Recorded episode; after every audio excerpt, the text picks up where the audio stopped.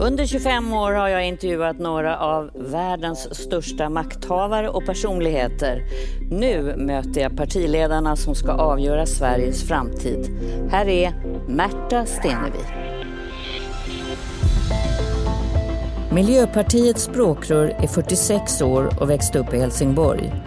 Hon har varit språkrör i ett och ett halvt år, en roll hon delar med Per Bolund. Hon har ingen grön bakgrund utan kommer från bokbranschen och har gjort kometkarriär inom partiet. Hon är trebarnsmamma och har två bonusbarn. På sociala medier lyfter hon ofta fram sitt moderskap och hennes politiska engagemang väcktes när hennes barn var små. Under stor dramatik i november lämnade Miljöpartiet regeringen. Vi har sökt regeringsmakten för att genomföra grön politik. Det är däremot inte Miljöpartiets uppgift i politiken att genomföra en SD-förhandlad budget. Nu balanserar partiet på gränsen till att åka ur riksdagen. Vad beror det på att Miljöpartiet inte attraherar fler väljare när klimatet är vår tids ödesfråga? Och varför lyckas inte partiet fånga den unga generationen som står bakom Greta Thunberg som har 14,5 miljoner följare på Instagram? Märta Stenevi vill istället bredda partiet och inte bara prata miljö. Men är det rätt väg att gå?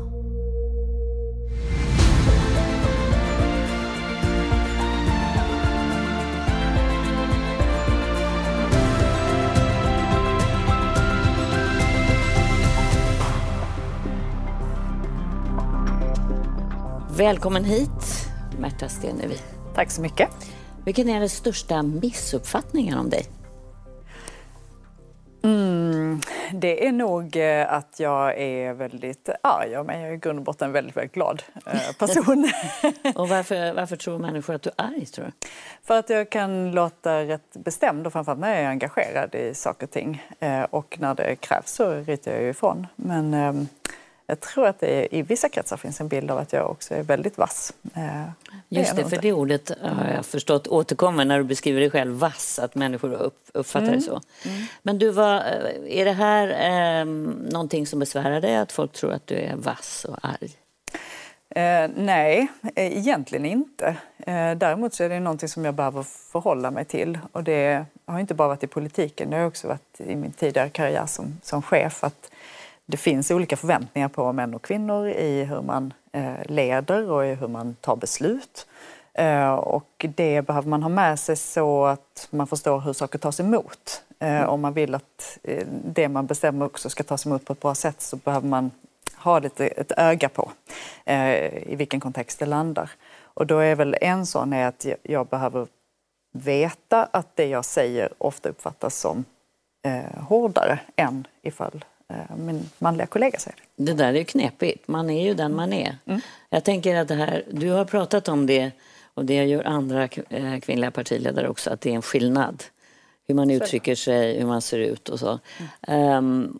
Får du mycket kommentarer om just sådana här saker?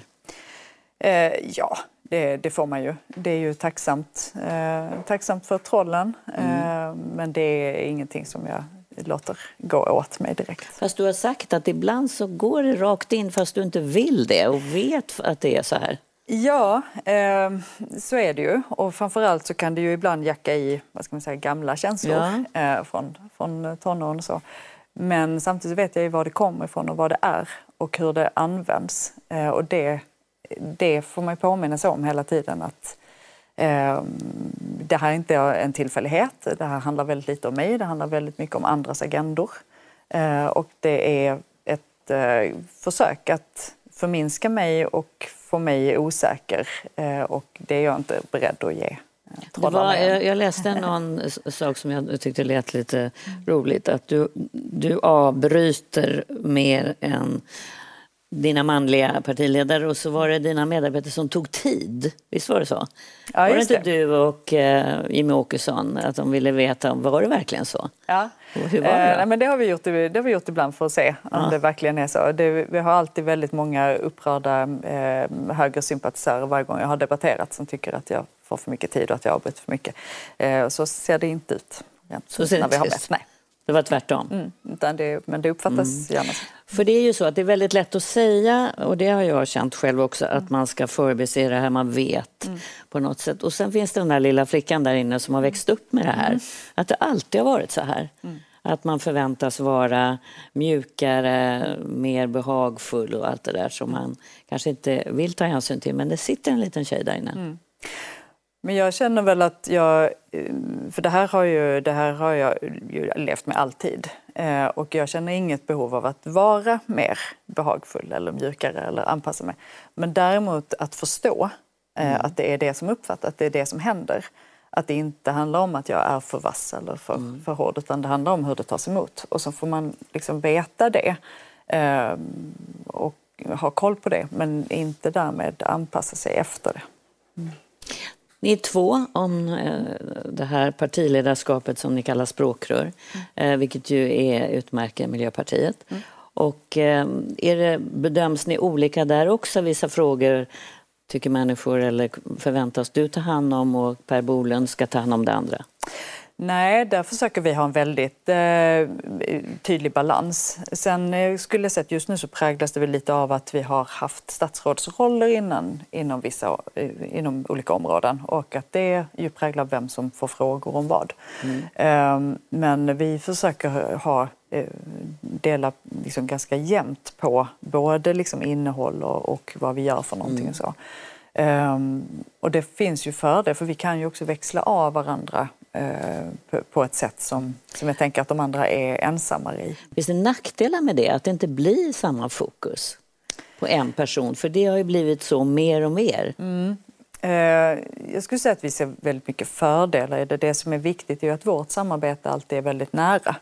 Uh, så att vi är väldigt sampratade och har samma sätt att uttrycka saker och, och eh, liksom komma ut i det. Så att vårt, vårt samarbete blir väldigt viktigt för ledarskapet. Eh, Jag tänker också. utifrån mer hur väljarna ser det. Det har ju blivit ett större fokus och ett nästan från väljarnas sätt ett behov att, mm. att lära känna vem är den här partiledaren. Det. Och det här är två personer man ska förhålla sig till. Jag tänker att det är för och nackdelar. Mm. Eh, i ett och samma format så träffar man ju oss eh, var och en mer sällan eftersom vi delar eh, på dem. Men å andra sidan så hinner vi göra väldigt mycket. Vi kan ju tacka ja till oerhört mycket därför att vi är två. Mm. Ehm, så att det är väl för och nackdelar i det. Tänker. Du, du har sagt att du är häxåldern. Det tycker jag är spännande. Vad menar du med det? jag är ju var ju på väg att bli litteraturvetare en gång i, ja. i tiden. Jag är väldigt, eh, väldigt intresserad av både av böcker och av eh, men också vad ska säga, beteenden och arketyper och det som liksom ligger i våra berättelser. Om jag får avbryta det där så mm. ska vi säga att du har en bakgrund eh, i bokbranschen. Det har jag. Mm. Sen 15 år. Det har jag. Mm. Eh, någon litteraturvetarexamen blev det dock aldrig. Ja. Men jag hade en plan ditåt en gång i tiden. Men då, är, då finns det ju en, en, vad ska man säga, en Ehm, eh, myt liksom, som följer med i flera olika kulturer om jungfrun och modern och häxan. Eh, och det är någonting väldigt befriande i att gå in, nu är liksom mina tonår över, hela den perioden när man ska hitta vem man är och allt det. Eh, jag är igenom eh, ur de här liksom mest intensiva småbarnsåren där allt fokus är liksom på, på moderskapet så någonstans. Eh, och någonstans så kommer man ju ut ur de här båda åldrarna och är lite faktiskt obrydd över vad folk tycker. Så det är det som är häxan? Hon ja, är starkare? Där man och... kan faktiskt vara lite så här, mm. Nej, men visst hatar du, men det här är vad jag tycker och jag känner mig trygg Jag vet vad jag tycker, jag vet vad jag står för, jag vet vad jag är bra på, jag vet vad jag är dålig på. Och så kan man någonstans liksom vara eh, väldigt mycket starkare i det. Så att, du eh, uppgraderar häxan helt enkelt? Ja, jag tycker häxåldern är fantastisk. Du, eh, din... Eh politiska karriär, det är en kometkarriär måste man säga. Du har varit mm. språkrör i ungefär ett och ett halvt år. Eh, och du har tidigare inte, jag tror inte många ser det som att du är en väldigt grön person från början. Eh, ditt engagemang har du satt, väcktes när du satt med ditt yngsta lilla barn i famnen. Mm. Eh, men så var det. Jag, jag har inte varit partipolitiskt engagerad alls, vare sig som, som ung eller eh, under större delen av mina vuxenår. Eh, utan Jag har mm, som många andra haft fullt upp med mitt livspussel, med mina barn, med min familjebildning, med mig själv och följt liksom samhällsutvecklingen och varit väldigt intresserad och engagerad i den, men hemifrån. Men när min yngsta eh, hade fötts och jag satt eh, liksom med småbarn hemma så var det ju två saker som, som gjorde att jag kände nu behöver jag göra någonting. Eh, också. Jag kan inte bara sitta och tycka att saker går åt fel håll utan jag behöver också försöka ta mitt ansvar och min del i det och försöka påverka. Och då är det ju dels klimatförändringarna. Eh, det här är ju då tio år sedan och klimatfrågan började segla upp som en riktig politisk fråga och en, en, en fråga som bevakades mer än tidigare. Um, och den andra var ju att just med små barn i Malmö, man sitter på barnakuten, det blir väldigt tydligt eh, hur orättvist riggat samhället är och hur stora fördelar man har av att ha ett socialt kapital med sig, ha språk med sig, ha en auktoritet med sig och hur svårt det är om man inte har det.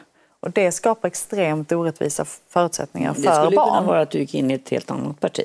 Nej, för det som jag tycker är så viktigt är att eh, för mig så hänger klimat och miljöfrågorna till 100 procent ihop med rättvisefrågor. Mm. Därför att det är, klimatförändringarna är någonstans den ultimata orättvisan. Där har vi, om vi har barn här hemma som lever i en väldigt orättvis situation och som vi behöver eh, jämna ut och, och öka jämlikheten Tittar man globalt så har vi en ännu större segregation där vi i rika länder, rika delar av världen har orsakat en liksom, hotande katastrof. Men där de som kommer ta de största konsekvenserna av det, de lever i länder som inte har orsakat utsläppen. Om man, om man så för mig hänger det... de här helt ihop. Ett poddtips från Podplay. I fallen jag aldrig glömmer djupdyker Hasse Aro i arbetet bakom några av Sveriges mest uppseendeväckande brottsutredningar. Går vi in med hemlig telefonavlyssning och, och då upplever vi att vi får en total förändring av hans beteende. Vad är det som händer nu? Vem är det som läcker? Och så säger han att jag är kriminell, jag har varit kriminell i hela mitt liv men att mörda ett barn, där går min gräns. Nya säsongen av Fallen jag aldrig glömmer på Podplay.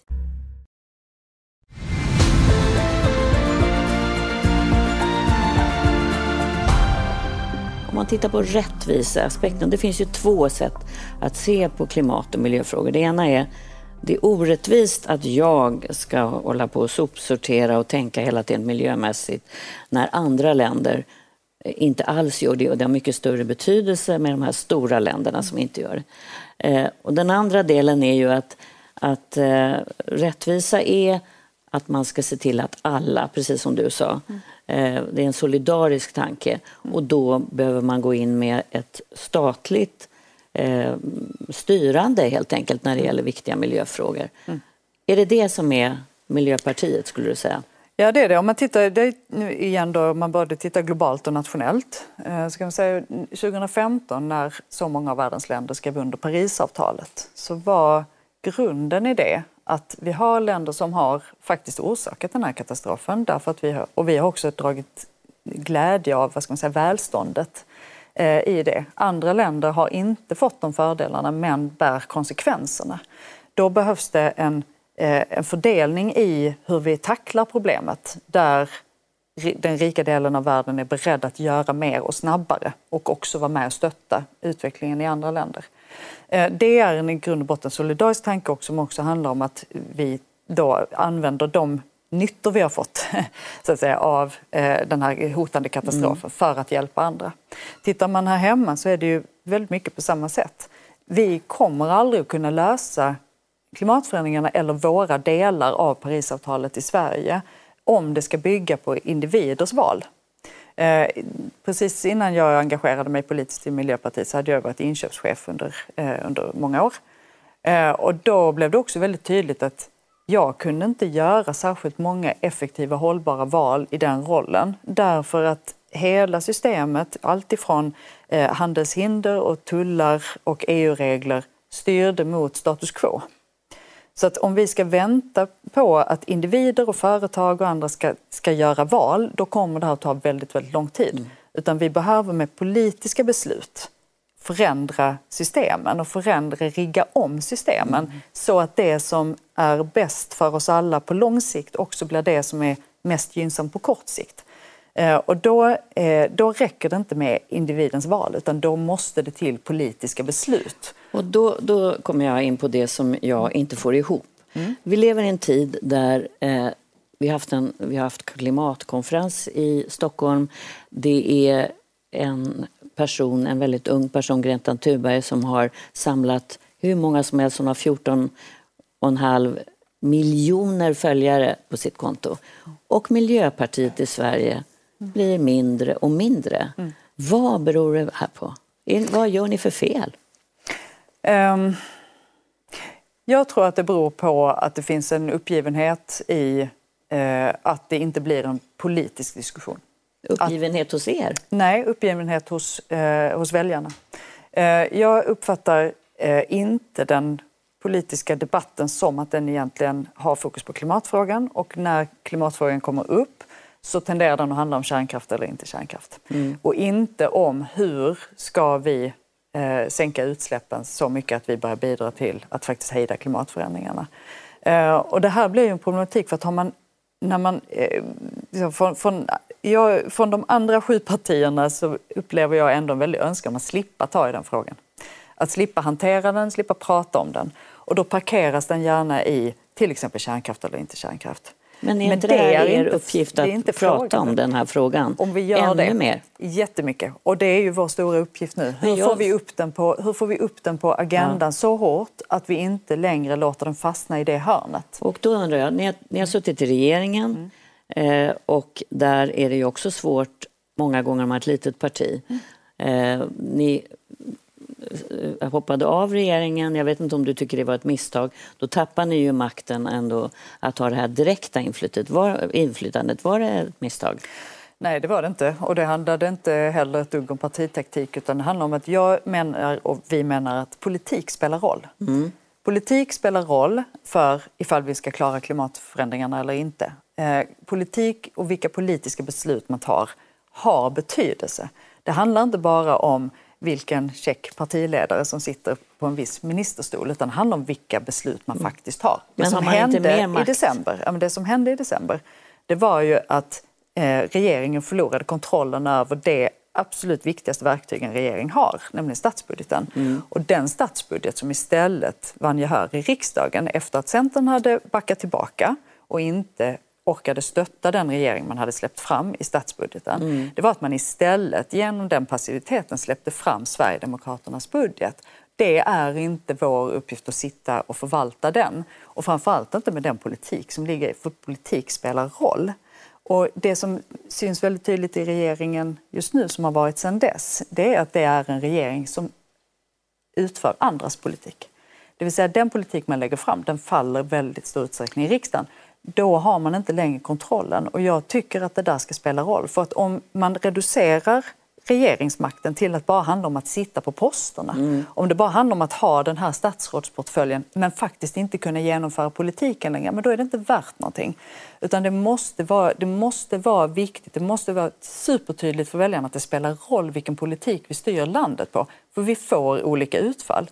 Om vi har en Ulf Kristersson-regering med, där Jimmy Åkesson egentligen har det största inflytandet efter valet, då kommer det att innebära att vi för samhället i en riktning som jag och många med mig absolut inte vill se. Och då kan det ju inte vara vår uppgift att legitimera en sån regering genom att styra på deras statsbudget. Men varför, eh, klimatfrågan som sagt är ju allvarligare än någonsin, det hör vi hela tiden. Vi har inte lång tid på oss innan vi har nått en gräns där det kanske inte finns någon återvändo. Mm.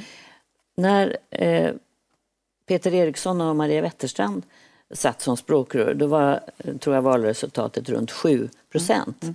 Och ni ligger och pendlar här under strecket och mm. på strecket. Varför såg det ut så då? Har du en aning?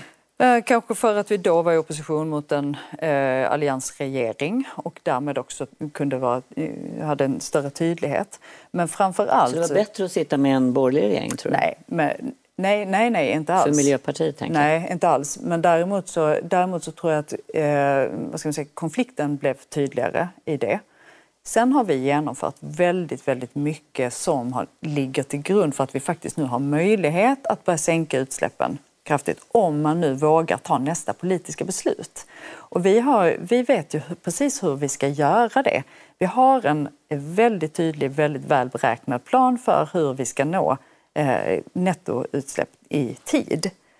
Det som inte händer i den politiska debatten, det är diskussionen från de andra partierna och i konflikten, vad, vad vill de göra? För att om du lyssnar på en klimatdebatt, eh, klimatsegment i en partiledardebatt idag, så kommer den efter två minuter att ha ramlat över i, ska vi ha kärnkraft? Du har inte, det är inte, eh, inte en enda gång har Ulf Kristersson eller Ebba Busch eller Jimmy Åkesson fått frågan hur ska vi nå våra åtaganden i Parisavtalet? Hur ska Sverige klara att faktiskt eh, nå det vi har skrivit under på? Och där ligger problemet i klimatdebatten idag. Och vi vill, vi vill inget hellre än att ha upp den konflikten. Det är vår uppgift att, att jaga den. Men om du frågar mig efter en förklaring varför ser det ut som mm. det gör så skulle jag säga att det är exakt det här. Om vi bara tillåter här, eh, liksom den debatten att hela tiden istället handla om kärnkraft, för det är egentligen varken frågan eller svaret på, den, eh, på, på, klimatutmaningarna, ja, men då kommer vi att hamna där. Och det är klart att det ligger i Ulf Kristerssons intresse att inte vilja ha den konflikten med oss, därför att han har inte svar. Det som är den, liksom sanningen i det här, det är att får vi en blåbrun regering efter valet, då kommer Sverige att backa ut ur Parisavtalet. Därför att det finns inga förslag för att faktiskt nå de åtaganden. Vi ska återkomma till det där. Ehm, och vi ska också, tänkte jag, återkomma till vem du är. För du är fortfarande ny för många väljare. Ett och ett halvt år på den posten du har nu. Och vi ska också få eh, besök faktiskt här av en person som känner dig väldigt väl. Nämligen din sambo. Ja, det ska bli spännande att spegla dig genom honom, Peter. Ett poddtips från Podplay. I podden Något Kaiko garanterar östgötarna Brutti och jag, Davva, dig en stor dos skratt. Där följer jag pladask för köttätandet igen. Man är lite som en jävla vampyr. Man har fått lite blodsmak och då måste man ha mer. Udda spaningar, fängslande anekdoter och en och annan arg rant. Jag måste ha mitt kaffe på morgonen för annars är jag ingen trevlig människa. Då är du ingen trevlig människa, punkt. Något kajko, hör du på podplay. Därför är gardinerna.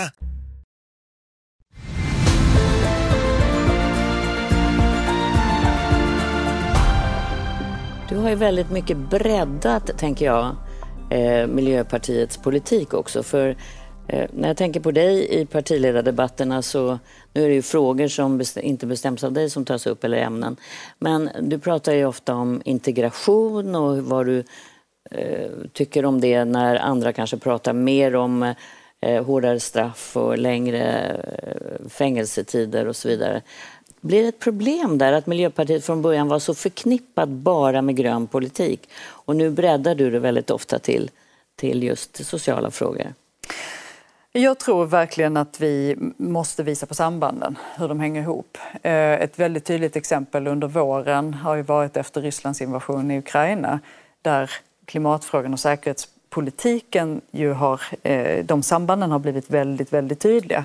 Eh, så länge vi har det här beroendet av fossila bränslen och av de utsläppen, ja men då kommer vi också sitta och skicka pengar till skurkstater som Ryssland när vi stryper till Ryssland, vilket jag verkligen hoppas att regeringen nu snart kommer liksom, få ändan ur vagnen i ja, då kommer vi istället att behöva gå med mössa i hand till Qatar och säga att ja, visserligen så kanske vi vill eh, bojkotta ett fotbolls-VM men vi måste samtidigt komma och be snällt om att få köpa jättemycket mer olja. Så länge vi har de sambanden så kommer vi sitta fast i det beroendet. På samma sätt är det här hemma. Vi kommer inte få människor att klimatdemonstrera om man inte vågar släppa ut barnen på gården för att man inte vet om de kommer hem hela. Eh, och det här här finns ju en botten i, jag är, jag är beredd att diskutera strängare straff vilken dag som helst där det faktiskt har effekt. Eh, och det är fullständigt självklart tror jag för alla som har följt utvecklingen i Sverige de senaste åren att vi måste fortsätta förstärka upp i rättsväsendet och hos polisen.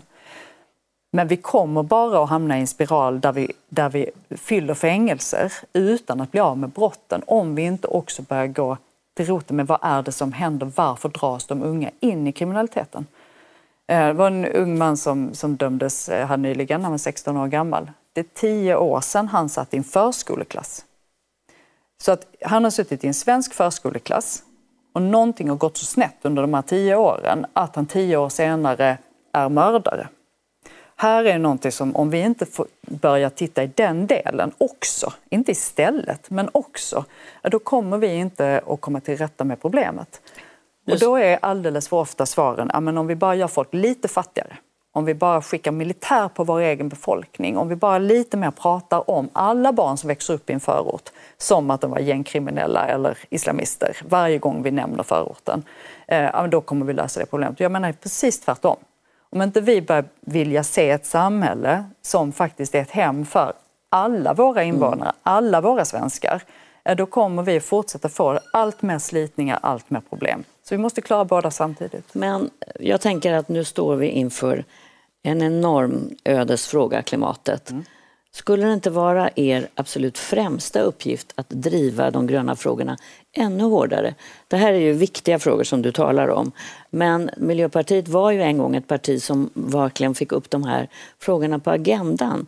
Har det varit ett misstag, för den här kopplingen du gör mm. Mellan klimat och miljö, fattigdom eller utanförskap, mm. den är ju ganska svår rent retoriskt. Mm. Eh, jag tycker inte den är svår. Eh, och framförallt så är det ju så att vi lever ju alla hela tiden i en, en sammanhängande mm. verklighet. Mm. Vi, det är ju inte så att vi kan välja att bara prata om ett samhällsproblem i taget. Eh, om vi skulle gå till val och säga att vi ska bara lösa klimatfrågan, vi skiter i allting annat. Ja, men det, är inte en, det är inte ett sätt att ta ansvar för, för det här landet. Och jag menar ju att det vad vi har sett de senaste hundra åren, det är ett kapitalt misslyckande, både från kapitalismen och från socialismen. Och det är grön ideologi och grön politik som behövs framåt, det vill säga att hålla ihop och se att samhället hänger ihop i alla dess delar. Vår uppgift i svensk politik är utan tvekan att hela tiden fortsätta eh, hålla i klimatfrågan, hålla i miljöfrågan. Men vi kan inte göra det som om det var ett stuprör, som det var någonting som man kunde hantera vid sidan av allting annat. För det går inte. Det här är en integrerad del av vårt samhälle och det är en fråga som måste hänga ihop med alla de andra samhällsfrågorna. För vi kan inte sätta vården på vänt tills vi har löst klimatförändringarna. Vi kan inte sätta skolan på vänt tills vi har löst klimatförändringarna. Vi har jättebråttom i klimatförändringarna. Men ett barn som växer upp är det också bråttom med, för en barndom går inte heller i mm. repris. Mm. Va, va, om, vi, om vi tar de unga då. Mm. Eh, här har vi sett en enorm ungdomsrörelse kring klimatfrågan i spåren av eh, Greta Thunberg. Varför lyckades inte ni fånga dem där? Och ni skulle ju kunna vara hur stora som helst med den, den generationen, tänker jag. Ja, men del, delvis därför att, eh, därför faktiskt kanske att den rörelsen har varit väldigt opolitisk. Eh, och varit väldigt tydlig med att ingen politik är bra nog. Och det har jag respekt för att man tycker. Det sa du nästan nyss också. Du sa att kapitalismen eh, har misslyckats, socialismen har misslyckats. Och det innebär inte att man behöver misslyckas framåt. Nej, nej, det är ju men, de men, val menar... vi har gjort. Nej, nej, det här är men de jätte... har ju frikopplat nej, det här är en jätteviktig skillnad. Mm. Eh, alltså, det är en väldigt stor skillnad på om man säger att politiken är så dålig så att det, gör, det spelar ingen roll. Eller om man säger att vi har gjort val som har lett oss hit och vi kan göra andra val framåt. Och det jag säger, det som är mitt budskap, framåt, det är ju att vi kan göra andra val. Gör vi andra val kommer vi också få andra resultat. Mm. Om vi däremot fortsätter göra samma val som vi har gjort hittills, om vi försöker bevara status quo nu, då kommer vi också få samma resultat. Det vill säga vi kommer fortsätta skenande klimatförändringar. Men de här unga människorna, jag vill ändå säga att det, det finns ju ett engagemang som är enormt stort. Och ni kanske måste tala då på ett annat sätt än det, du, det traditionellt politiska, mm. tänker jag. Mm. Så jag är fortfarande förbryllad över att ni inte har dragit till er dem. Mm. För, för det skulle ju kunna vara förstagångsväljare, det skulle kunna vara unga väljare mm. som alla röstade på er för att ni är ett miljöparti. Mm. Och det är ju en uppgift som vi har, att, att visa de unga mm. att politik gör, spelar roll. Ja. Och att det kommer ha väldigt stor betydelse vad man röstar på. Eh, så att, jag menar, är det någonting som, som är viktigt för oss att säga till unga väljare i det här läget så är det ju att din röst spelar roll. Om man röstar på partier som vill göra det billigare att släppa ut, då är det det vi kommer få. Om man röstar på partier som faktiskt har en plan för att sänka utsläppen eh, i den takt vi behöver för att nå Parisavtalet, ja, men då behöver man lägga sin röst där. För att om man säger att det inte spelar någon roll var man lägger sin röst, ja då kan vi lika gärna ge upp. Då får vi luta oss tillbaka och säga att det här kommer ändå inte att gå så vi kan lika gärna ha kul under tiden. Men det är jag inte beredd att säga därför att jag har själv barn som ska växa upp i den här mm. verkligheten. Jag ser alla de barn som växer upp runt omkring i Sverige som jag tycker ska vara våra barn. Och om det ska vara våra barn, då har vi också ett ansvar att faktiskt lämna efter oss någonting som håller. Och då måste politiken spela roll. Då kan man inte sitta och styra på Sverigedemokraternas budget och låtsas som att det inte har någon betydelse. Utan då måste man faktiskt säga att politik gör skillnad. Politik spelar roll och man får den politik man röstar på. Du vill skapa kaos, säger du. Eh, det kan användas av motståndarna som att du vill ställa till bråk och oreda och allt möjligt sånt där. Vad menar du med att du vill ställa till kaos? Att vi kommer behöva vara precis så besvärliga som krävs för att vi också ska nå våra politiska mål. Har ni inte varit mål. tillräckligt besvärliga tror du? Nej, kanske inte. Nej. Vi kanske behöver vara ännu mer besvärliga. Det verkar vara ett ganska snällt parti när man tänker på det utifrån. Ja, det är väl det som är lite humor i hela det här, hur många som har hängt upp sig på det ordvalet. Det är det fördom, en fördom om Miljöpartiet? Eh, nej, jag tycker bara att det blir eh, lite fascinerande. Jag upplever kanske inte att jag är som fembarnsmamma och eh, medelklass sådär, eh, precis farlig. Eh, men att vi behöver vara besvärliga, det tror jag absolut. Kan du ge exempel på hur ni ska vara besvärliga och skapa kaos som du säger? Jag tror att vi i varje förhandling måste fortsätta vara precis så tuffa som vi kan vara och också vara beredda att stöka runt rätt bra om det är det som krävs och inte backa på det som behöver göras nu. Det... Till exempel att lämna regeringen när vi står inför okay. att sitta. Ett annat mm. retoriskt grepp var det att kalla eh, SD för blåbrun. Ja, retoriskt grepp. Det, för det, det, det var, var det. någonting som tog eh, väldigt fart i debatten kan man säga. Men är det, inte, är det inte lite fascinerande hur mycket fokus som läggs på de ordvalen och hur mycket upprördhet och hur många spaltmeter som skrivs. Dem. Ja, men så här, så mycket upprördhet och hur många spaltmeter mm. som skrivs om ordvalen istället för den politik som föranleder ordvalet. Men vi har ett parti i Sveriges riksdag som är på väg eh, att eh, bli en del av ett tänkt regeringsunderlag som om Ulf Kristersson blir statsminister mycket väl kan komma att ha ministerposter i den regeringen, som är rasistiska. Den politiken borde vara fokus på de spaltmeterna, inte vad man kallar det partiet. Så att det är ju en hela det är ju en fantastisk avledningsmanöver att Men prata om våra som, ordval. Det var ju ni som använde det ordet och det blev ju uppmärksamhet och diskussion kring det. Var inte det avsikten? Det som är, nej, vår avsikt är ju, det, vi kallar dem vad de är. De är blåbruna. Vi sitter mm. med, det är ett rasistiskt parti. Om man bjuder in ett rasistiskt parti i sitt regeringsunderlag då får man leva med att, man också blir, att, att också folk pekar på det. Eh, så jag, jag tycker att det är lite konstigt du... att inte... Jag tycker det är väldigt märkligt att det är mer intressant eh, ifall vi kallar den konstellationen för blåbrun eller för blå eller för borgare eller för en främlingsfientligt eller vad vi kallar dem, än att faktiskt peka på att vi har ett parti med rötter i nazismen eh, som är, driver en rasistisk politik och som nu är på väg in i regering. Fast eh, Marta Stenevi, du har arbetat med ord, du kommer från bokbranschen. Det är klart att orden har betydelse och ni fick ju igång en debatt. Så det var väl, eh, det var väl ett, eh, ett bra retoriskt grepp i så fall om man vill nå den effekten? Jag tycker att det är vad det är. Eh, du har, ett, du har en tänkt, ett tänkt regeringsunderlag med tre borgerliga partier mm. och ett främlingsfientligt. Mm. Naturligtvis är det blåbrunt regeringsunderlag. Mm. Du, eh, för orden har ju betydelse i politiken menar jag. Det. det är ju viktigt.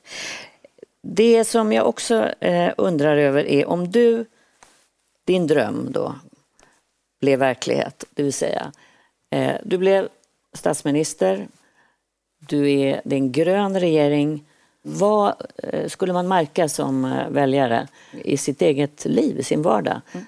För det är ju ändå så att ni har talat väldigt mycket om att vi kan inte fortsätta så här. Tillväxten mm. som vi har sett som ett mått på välstånd, vi måste förändra det. Det mm. ska inte vara ett sånt mått. Ett eh, betydligt starkare klimatarbete naturligtvis, skulle man märka av. En stärkt välfärd, men också en omfördelning i skattesystemet. Så att lägre skatter på arbete, högre skatter på kapital och framförallt progressiva skatter på kapital. Det låter som en socialdemokratisk regering. Ja, det sänkt skatt på arbete, det vet Nej, jag inte. inte sänkt Nej. på skatt på arbete. Eh, men... Så att en, en omfördelning mellan hur vi betalar och också det faktum att idag så finansierar vi väldigt mycket av välfärden i kommuner och regioner. det vill säga på inkomst, bara på inkomst från arbete. Och vi menar att här måste det till ett skifte så att vi kan ha lägre skatt på arbete, högre skatt på dels det som skadar miljön men också på kapital och en progressivitet i kapitalbeskattningen. Så att med mer pengar i plånboken för den som har lite kapital men som arbetar och sliter eh, och sen en stärkt välfärd som vi finansierar solidariskt där, vi, där staten har en större, ett större ansvar idag än idag för finansieringen av till exempel skola och vård så att det blir mer jämlikt över landet. Du, nu tänkte jag att vi ska eh, fokusera lite mer på dig som person. Mm. Därför eh, det är ändå så att många väljare vill veta vem är den här personen som då styr eh, och leder eh, Miljöpartiet. Du är en av dem som språkrör. Och då har vi bjudit in din eh, sambo, mm. Peter. Ja. Han kommer här. Hej, välkommen. Hej, hej. Välkommen. Hej, Peter. Hej. Varsågod och Tack. sitt.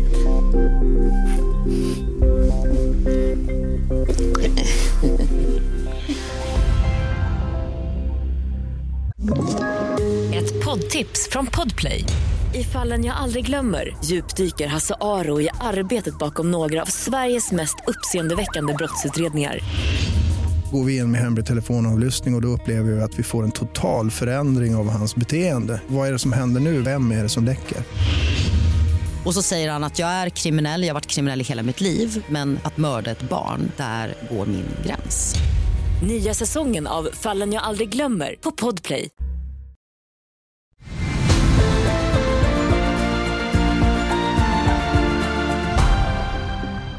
Ja, eh, då tänkte jag att vi skulle lite grann spegla Märta här som ju många fortfarande eh, tycker är en nykomling i politiken. En del har ju suttit väldigt länge. Men ni har inte känt varandra så länge heller, Peter? Nej, inte jättelänge. Nej. Nej. Hur gick det till när ni träffades? Ja, vi eh, träffades ju på nätet på en sån här dejtingsajt. Ja. Eh, men... Märta skrattar. Ja, och sen så träffades vi ju inte. Utan vi chattade i evigheter känns det som. Skrev och skrev och skrev. Mm. Vad var det du fastnade för? Det är många som skriver. Var, kommer du ihåg någonting som gjorde att du ja, Det blev var ju ett- den eh, färgkodade bokhyllan såklart. färgkodade bokhyllan i bilderna alltså? ja, nej, vi har en liten sån. Inte helt överens om det. Hur man hittar böcker helt enkelt. Man, man, eller bara för att det ska se snyggt ut när det är Ja, färgkodat? exakt. Ja. Där är ni lika? Nej, olika. Väldigt säga. o- ja, okej, Nej, där jag är är olika. mer en sån som ställer dem i kategorier Ja, och, i bokstavsordning och sånt. Jag kommer ihåg Men- hur de ser ut mer än vad författaren heter. Ja. Men, men när ni eh, fastnade, för det är ju intressant när man träffas på det där sättet som ju väldigt många gör idag på nätet. Då blir orden, igen vi pratade om ordens betydelse, väldigt viktiga så att man kan skilja ut den här personen, i det här fallet Märta.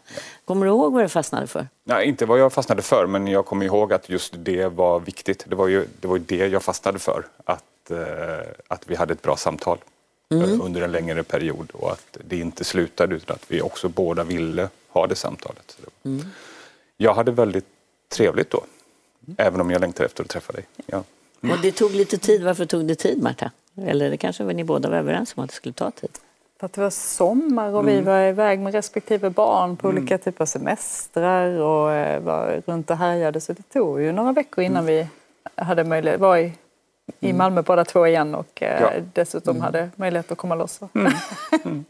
Så- Och, så- vad fastnade du för? För det blir ju som sagt viktigt vad man fastnar för för beskrivning eller ord av en person på det sättet. Nej, men, eh, precis som Peter säger, vi hade ett, ett väldigt roligt, Peter är väldigt, väldigt rolig kan jag säga också. Eh, så att vi hade väldigt roligt eh, och skrev länge och, och både högt och lågt och både liksom allvarliga, riktiga saker och väldigt, eh, väldigt mycket rolig, roligheter.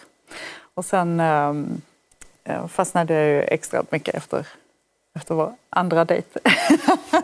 Ja, just det. Sen träffades ni förstås. ja, precis. Ja, och då, då vet man ju aldrig om det motsvarar det man har känt när man skriver eller talar med varandra. Men det verkar som det gjorde. Ja, det var, första gången var ju också ett väldigt fint, långt, långt samtal. Det var det. Mm.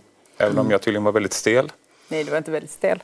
Mm. Då var Petter lite mer i sin eh, sån... Eh, men lite med sin professionella Träffa någon första roll. gången-roll. Så, ja, lite så. Vad då, Mm. då tog du fram vad då för professionell? Vi har inte pratat Nej, men om du vad vet, du lite, gör. ra, lite rakryggad och lite sådär, lite reserverad så. Mm. För Avvaktande tror vad, vad håller du på med? Så, vad är din Jag yrkesroll? äger en kommunikationsbyrå Så då tog med... du på dig den där Ja, konsultrollen. kommunikationskonsultrollen. Ja, exakt. Ja, och den verkar ju ha gått hem då ändå. Mm.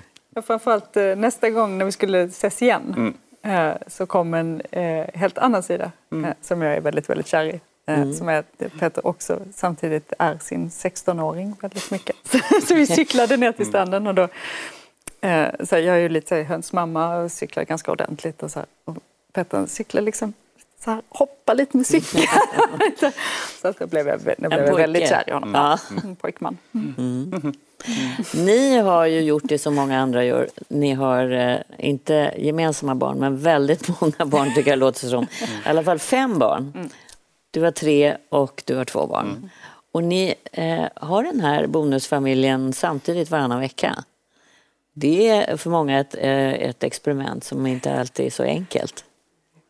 Har det funkat bra? funkat över förväntan får man ju säga. Mm. Eller väldigt, väldigt bra till och med. Ehm, vilket vi ju märkte ganska fort.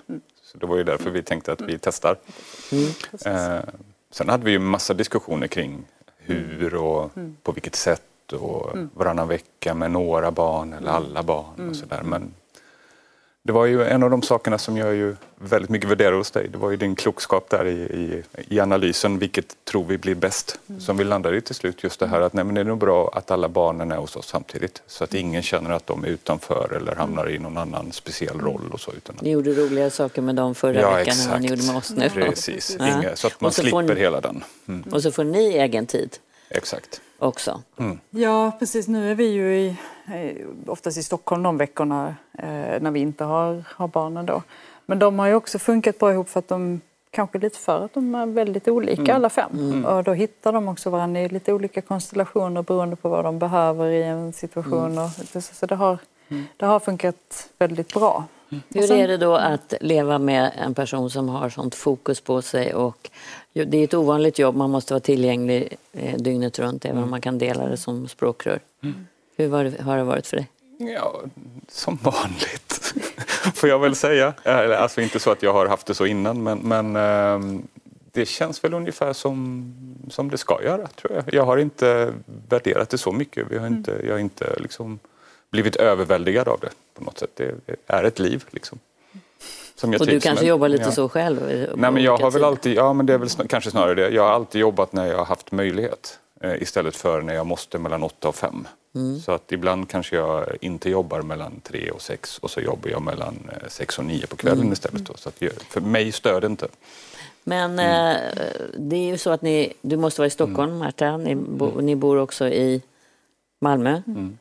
Mm. Eh, och där familjen är, där hela, alla barnen finns. Eh, det här då, att flytta runt. Flyttar du med upp till Stockholm då varannan vecka? Mm. Det gör det, och det funkar? Ja. Ja. Jag har ju ett litet kontor också i Stockholm, Ja, tack okej. och lov. Ja. Och sen tar Mm. du en stor del av ansvaret eh, när det behövs? Om det behövs, ja. Mm. De har ju fler föräldrar också, tack och lov, barnen. precis. Ja. Ni har m- mer avlastning. Mm. Eh, har det varit... Eh, har ni samma värderingar skulle du säga? För sånt är ibland... Ja, men det är väl grundläggande skulle jag vilja säga, Ja. Mm. att vi faktiskt har det. Eh, och att vi i de alla fina samtalen vi har alltid landar i någon sorts, jo, men det är ju så här vi vill ha det. Så att, mm. Tycker jag. Hon beskriver ju sig själv, eh, din sambo, som en häxa. Ja. Vad säger du om det?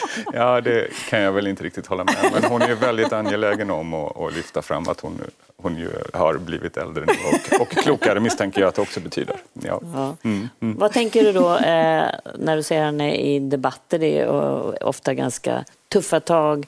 Kanske en annan person som träder fram. Men jag är ju stolt. Jag tycker Mm. ju att hon är väldigt duktig. Eh, och jag tycker ju till, oftast att hon har rätt. Eh, så så att jag, jag känner ju liksom, Sitter du sådär, nej, varför hoppar de på henne så? Eller? nej, det Nej. jag väl inte. Det, jag tycker ju inte heller att det blir så riktigt. Utan jag tycker ju faktiskt att hon klarar sig ganska bra själv. Ja. Mm, mm. Pratar ni eh, politik hemma? Ja, Mm. absolut gör vi det. Samhällsfrågor? Ja, Mm. Mm. det gör vi. Mycket. Eh, bollar mycket. Får du bra och goda råd? Ja, det tycker jag också. Eftersom, ja, men som Petter säger, vi, har väldigt, vi, vi, delar ju oerhört mycket värderingar och syn på världen, liksom, och syn på samhället och, och på människorna och så. Eh, men Peter har ju aldrig varit partipolitiskt engagerad eh, och det gör ju att det är väldigt, det är ofta en väldigt nyttig vinkel för mig. Mm. Eh, att höra hur du har reagerat på saker mm. som har hänt eller på saker som har sagts eller på liksom, eh, superbra som sanity check. Liksom. hur har det uppfattats eh, mm. när man står ett steg? För någon som inte är direkt kopplad i ja. politiken. Mm. Och nu har ni, du, var lite tveksam på hur länge, sedan jag, hur länge ni har känt varandra. vad, vad skulle du säga nu då? Nej, när men jag är ofta väldigt, väldigt dålig på år och datum och sånt där. Eh, födelsedagar, ja, namn också för den delen. Men eh, det är väl en fem år. Mm. Du, Marta vet kanske mer exakt vad det är. Ja, ja det är ganska exakt fem år i sommar. Ja. Mm. Ska ni gifta er? Det, det har vi hållit på ett tag med nu. Ja. Så att... Har ni hållit på med det ett tag? Ja. Okej, försök planera in ja, det. Exakt. Det kom en pandemi emellan. Jag, jag har ju vi ska gifta oss. En men jag vill också ha fest. Ja. Mm. och så festen vi måste ha en stor fest ha. också. Det har vi inte kunnat ha. Nu är det valår så det får väl bli nästa år. Ja, nästa år kanske. Och så är det valår och sen kanske det blir lite lugnare. Det vet man ju inte. Nej, vet man inte. Nej, men någonstans måste ni hitta det, det där. Mm. Ja. Det. Eh, det som, eh, som jag tänker också är ju hur utsatt man är på sociala medier. Det har ju du beskrivit. Eh, hur uppfattar du det som lever bredvid så att säga? Ja, än så länge har det ju inte hänt någonting för min del så att säga. Mm. Och det jag läser om Märta har jag väl ungefär lärt mig att sortera bort på samma sätt som du beskrev tidigare, mm. Eh, skulle jag vilja påstå. Mm. Att man inte läser och tar till sig? Eh, kanske läser men, eh, men förstår ju agendan. Mm. Med det. Mm. För det finns ju ett förhållningssätt mm. som är lite olika mellan partiledarna. Hur öppen, hur personlig ska man vara, nästintill privat ska man vara. Eh, för ibland så uppfattas det som där ute att man kanske ska ge mer och mer och mer. Mm. Drar du någon linje där? Ja, men det tycker jag. Eh, jag försöker hålla barnen borta så, så mycket det går eh, ifrån. Jag, jag, menar, jag pratar ju om att jag har barn, eh, för det är en stor del av mig eh, och liksom också av mitt engagemang. Men försöker hålla barnen som personer borta från, eh, från synligheten helt enkelt så mycket det går.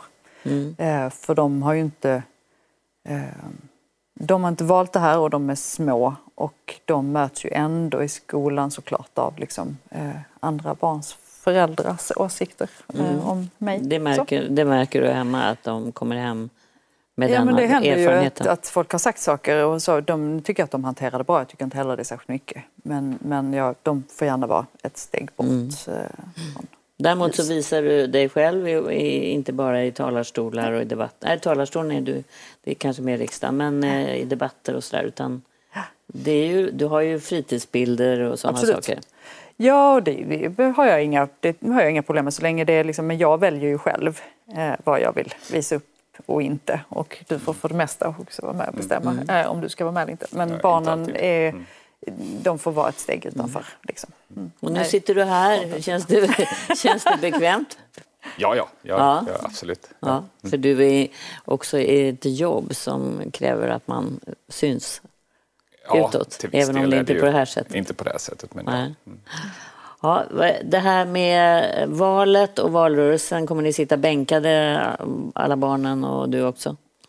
Lite grann så blir det ju. Under valnatten? Ja, det tror jag nog mm. att vi kommer göra. Ja. Mm. Ja, du, kan väl inte bara, du kan väl inte bara låta bli att sitta där? Och... Nej, nej, jag vet bara inte var jag är någonstans. Nej, det förstår men, jag. men eh, på det stora hela så kommer vi bevaka det, ja. Just det, du mm. kanske minglar runt på eh, mm. konferens. Ja, exakt. Ja, vi får se. Men de brukar titta nu. De stora ja, de är väldigt mm. engagerade ja, när det väl eh, presenteras för dem. Ja. Vad väldigt trevligt att du kom och mm. väldigt trevligt att se er ihop och du också förstås.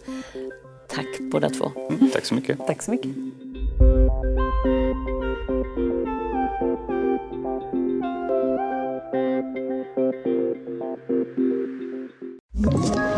Ett poddtips från Podplay. I fallen jag aldrig glömmer djupdyker Hasse Aro i arbetet bakom några av Sveriges mest uppseendeväckande brottsutredningar går vi in med hemlig telefonavlyssning och, och då upplever vi att vi får en total förändring av hans beteende. Vad är det som händer nu? Vem är det som läcker? Och så säger han att jag är kriminell, jag har varit kriminell i hela mitt liv men att mörda ett barn, där går min gräns. Nya säsongen av Fallen jag aldrig glömmer på Podplay.